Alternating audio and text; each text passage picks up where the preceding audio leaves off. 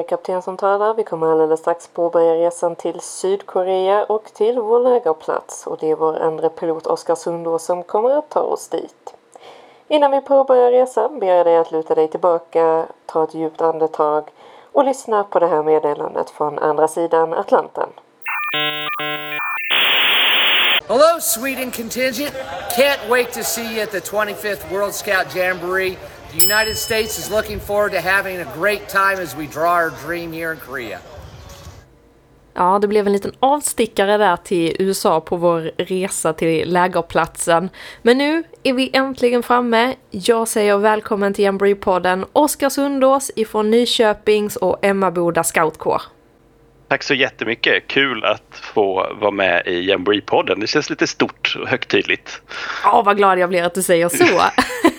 Du är också lite partisk får man säga när du säger sådär, för du är ju också en del av CMT precis som jag.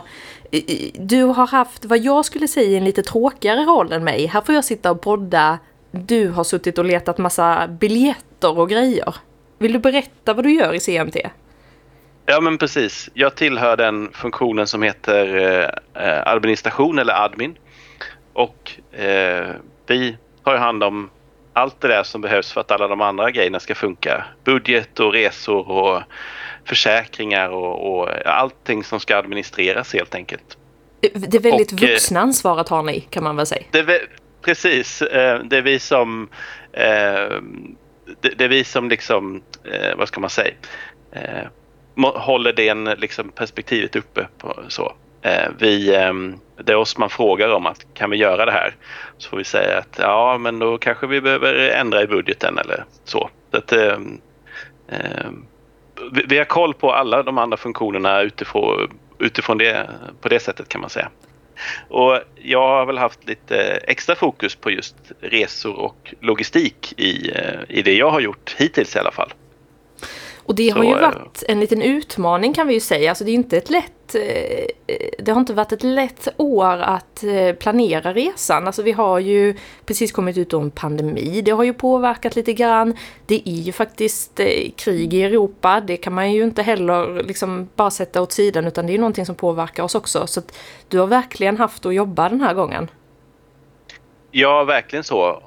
Och jag skulle väl säga att vi, eh, eh, vi har ju gått igenom en pandemi i världen och resebranschen är ju den bland de eh, branscher som har varit allra, allra hårdast drabbat av det här.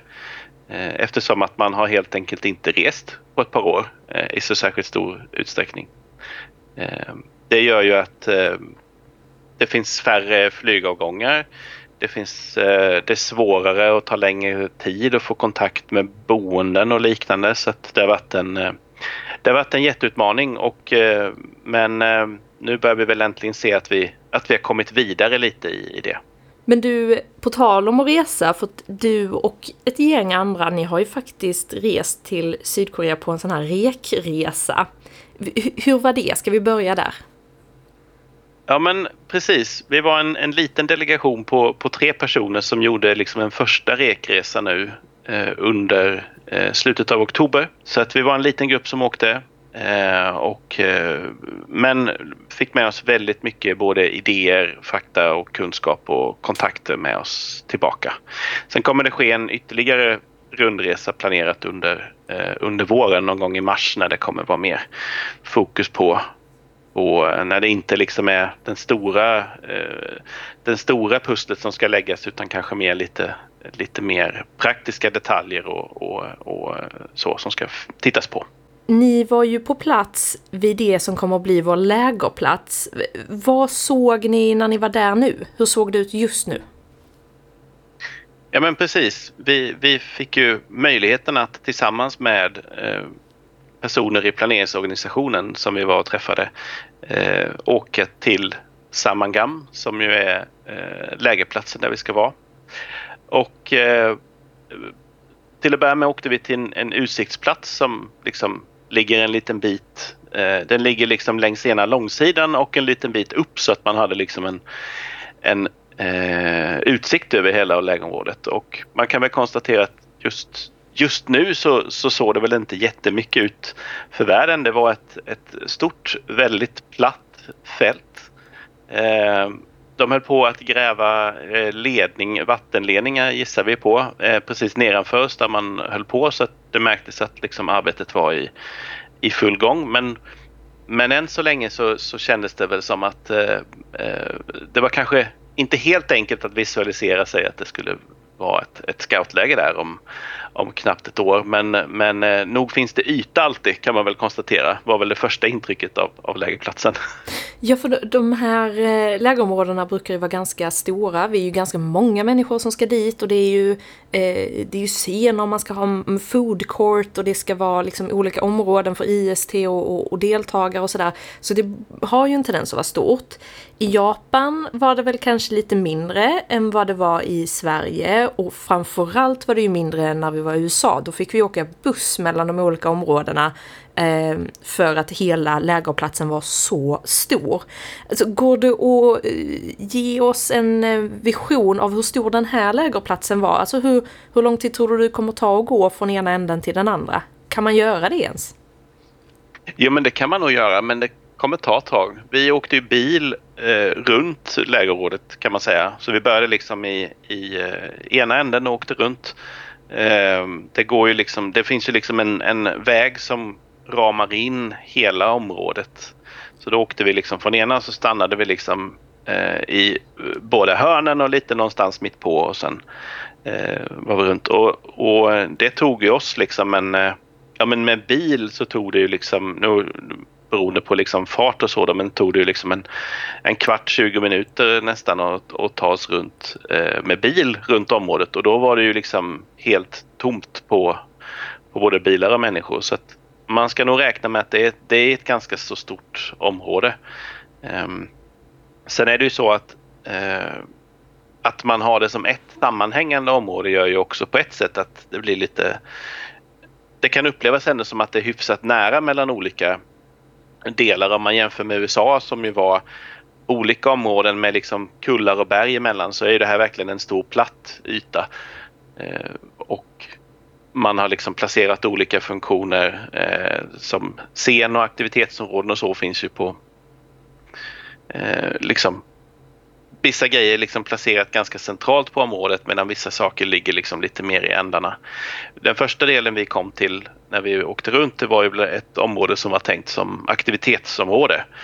Eh, och det låg liksom i ena, i ena änden av lägerplatsen. Sen vet vi inte hur man har tänkt om, om eh, det är så att man har aktiviteter, eh, att det är olika aktiviteter som genomförs på samma område eller liksom de kommer vara dedikerade till, till olika aktiviteter och olika områden. Det, det var inget som liksom framgick. Men eh, eh, i ändarna, i alla fall på båda sidor, så, så var det eh, tänkt att det skulle vara ganska mycket aktivitet, eller var liksom aktiviteter.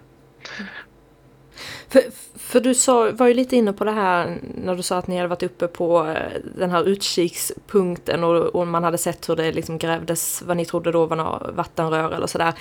För hela den här lägerplatsen, den om jag har fattat det rätt så skapas den ju för det här ändamålet just nu, eller hur? Ja, precis. Ehm, den är ju liksom anlagd för det här. Eh, eller egentligen skulle man ju man skulle också, eh, och man vet väl, det vi frågade det lite grann också vad som är tanken att ska hända med det eh, efteråt men det är väl fortsatt lite oklart. Alltså sättet man har anlagt den här på är ju ett en teknik vad vi förstår som man använt liksom i många, många år. Det är ju att man eh, frigör, man, man, man liksom flyttar eh, land längre ut, man liksom på bekostnad av havet. Alltså att man helt enkelt gör land av havsbotten. Och det är tydligen en, en teknik man har eh, hållit på med i Korea i ganska många år och framförallt tidigare när man anlade mark för odling så gjorde man på det här sättet. Och det fin- man har liksom en upparbetad, liksom, det finns liksom tekniker för att, att göra det. Eh, men så en idé som, som var, eh, vad jag förstod som inte var en eh, helt orimligt var att det skulle kunna bli odlingsmark av det här området efter att jamboreen är, är genomförd. Om det inte är så att man ser att det finns liksom behov av ett, ett så stort lägerområde. Ehm, som, eh, i, för den koreanska scoutrörelsen då. Min hjärna är fortfarande kvar på att man gjorde land av havsbotten. Hur gör man ens det? Lyfter man upp botten? Eller, eller puttar man bort vatten? Det, jag vet, kan du ens svaret på det här, Oskar? jo, men alltså om, när man var på området så fick man ju lite känsla för att man, det går ju liksom kanaler in genom området som det kommer vara broar över. Och mycket handlar ju liksom om att, att man gräver ut och placerar liksom jord på... Eh, man fyller ut helt enkelt med, med jord. Eh, och sen eftersom det har varit eh, hav så, så eh, för att binda den här jorden och för att, för att så, så planterar man en viss typ av växtlighet och eh, det fick vi också förklarat för oss då för att vissa delar nu eh, är ju växtlighet som, som så liksom lite, ja nu var den lite gulnad för att det började bli höst men, men liksom om man säger lite vanlig växtlighet.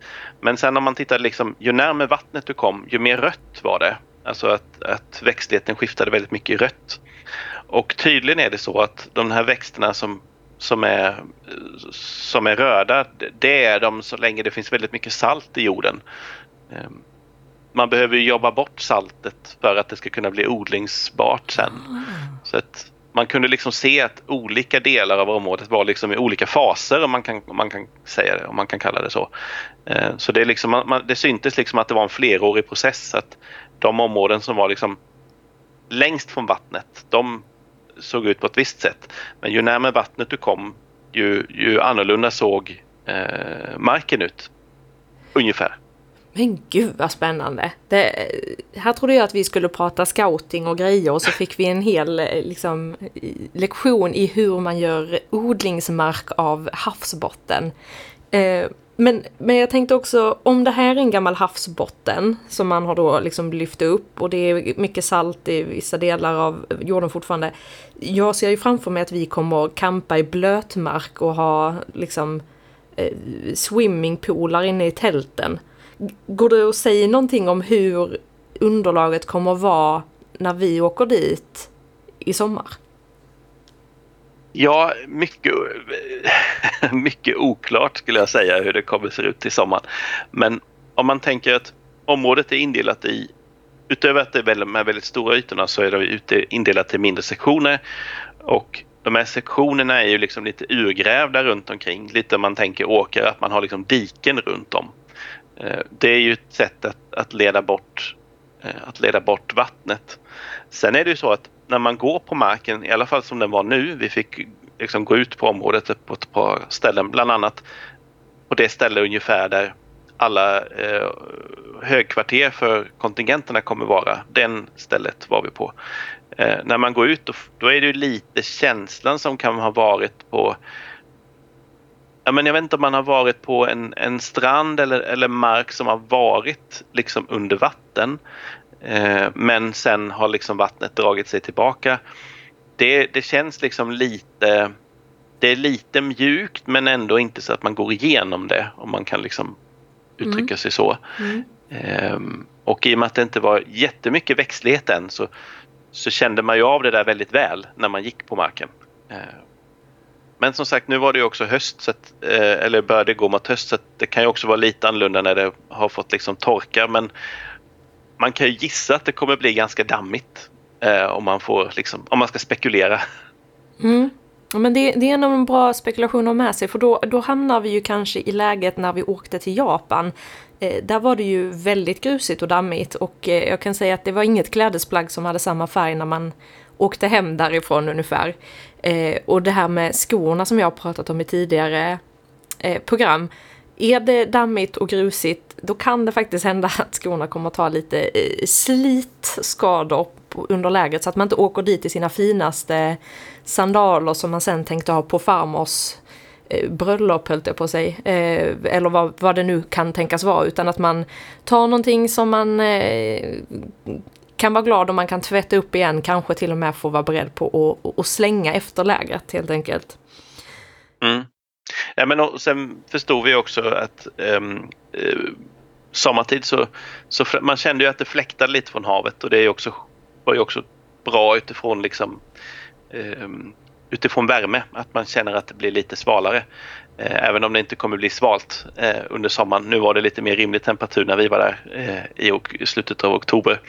Men man ser ju havet väldigt tydligt och en bit ut också så har man ju anlagt en, eh, en motorvägsvall typ. så man har ju liksom eh, ytterligare en bit ut så har man liksom anlagt en, en ytterligare havsvall där det nu liksom går en Eh, ja men det går i alla fall en bil, man kan åka bil liksom eh, ute Eh, ännu närmare havet. Eller liksom det, man har liksom ramat in hela det här området med liksom en ytterligare vall en bit ut. Den syntes inte jättetydligt men och vi hade först tänkt att vi skulle åka den här vägen men det blev inte tid till det. Men det kan ju eh, så att det är liksom ytterligare ett, ett steg utanför som, som eh, är gjort liksom för att liksom skydda det här mot, eh, mot havet då. Mm. Men det får mig att fundera på, eh, för när vi var i Japan, då låg ju lägerplatsen precis vid vattnet eh, och det fanns ett litet badområde där man kunde få bada vissa tider. I USA då fanns det ju någon sjö, där var det liksom del av en aktivitet och sådär. Ligger det här så att vi kommer att kunna bada under lägerplatsen tror du? Det de säger när man frågar det, för det är ju alltid liksom en, det blir ju liksom någon typ av standardfråga. Det är ju att nej, det är inte tjänligt för bad. Än i alla fall. Mm. Men det kommer ju finnas möjlighet att bada någonstans. Sen om det då handlar om att man behöver ta buss därifrån eller så. Men, men eh, än så länge så var det inte riktigt tjänligt till bad. Vad vi förstod i alla fall. Mm. Eh, precis i anslutning till lägerplatsen. En annan spännande detalj på, på lägerområdet som jag kom på nu, eh, det är ju att man kommer bygga liksom en motorvägsavfart som kommer att gå rakt in på lägerområdet. Det här är ju ganska nära en, en genomfartsväg eh, i, genom regionen där och eh, jag vet inte hur många lägerområden som kan stoltsera med det, att man liksom har fått en egen motorvägsavfart. Men det kommer det vara till, eh, till eh, den här lägerplatsen i alla fall. Den såg vi också att eh, bygget av att det höll på att, att fortgå. Så eh, det eh, blir också lite intressant och ett par, eh, två stora ytor på lägerområdet skulle också vara avsatta som parkeringsplatser då. Så, eh, men det blir lite, det, det, visar ändå på något sätt att, att eh, man räknar med att det kommer komma en del folk, att man väljer att, att bygga en egen motorvägsavfart. Ja, det var inte illa, men eh, det eh, blev jag lite stressad direkt här. Det lät som att det eh, skulle vara jättemycket trafik och det, någon ligger och burnar och det tutas hela nätterna och spelas någon koreansk raggarmusik. Jag vet inte ens vad det skulle vara, men... nu är ju en upplevelse som vi också fick under resan var ju också att man är väldigt regelföljande i Korea generellt Eh, och ganska, är det så att man får instruktion att det inte ska ske på ett visst sätt så ska man nog räkna med att det, då kommer det hålla sig ganska eh, väldigt mycket i linje med det. Man behöver nog inte tänka att, det, att, att man behöver inte se att det ska vara något större problem beroende på vad man sätter upp för regler kring det. Så. Mm, just det. För du, vi pratade ju lite om er resa och då sa du det här att de är väldigt liksom bra på att följa regler, finns väldigt lite papperskorgar men är väldigt rent. Ja, precis. Det är en del sådana där grejer reagerar man ju på ganska snabbt. Alltså I Sverige är man ju van att det finns papperskorgar i vart och vartannat gathörn. Eh, men i, i Korea framförallt så var vi inne i, i Seoul men det gällde även för de andra städerna eh, som eh, börjar förstå att men det finns i princip inte några papperskorgar men ändå så väljer folk att nej, men då tar man med sig det antingen tills man hittar en papperskorg eller så tar man med det hem och eh, slänger det hemma istället. Eh, här skulle det ju få effekten om det inte fanns papperskorgar att folk skulle skräpa ner antagligen. Eh, så det var en sån där tydlig grej som man märker, väl, man, som man märker väldigt fort att, att eh, men men det är ju vad man själv är van vid. Liksom. Sen förstod vi att det fanns, det var tydligen ganska dyrt för den som ställer ut en papperskorg på sin mark också därför att man får ofta stå för att, eh, att stå för tömningen av den där också. Och, eh, man jobbar tydligen ganska mycket med källsortering i vanliga fall och att ställa ut sådana här generella papperskorgar är, eh, är väl också eh, blir ganska dyrt då. Mm, mm. Du, eh, tack för att du tog med oss till lägerplatsen även om den inte är helt i sin eh, toppform än. men den kommer bli bra, eh, det tror jag. Och framförallt så, så är det ju en helt annan grej att se den tom än att se den att den är full med, med tält, scouter och ledare från hela världen. Så eh, peppad på att komma tillbaka helt klart skulle jag säga. Ja, vad härligt att du känner så efter resan. Oskar Sundås, vi syns i Sydkorea. Det gör vi.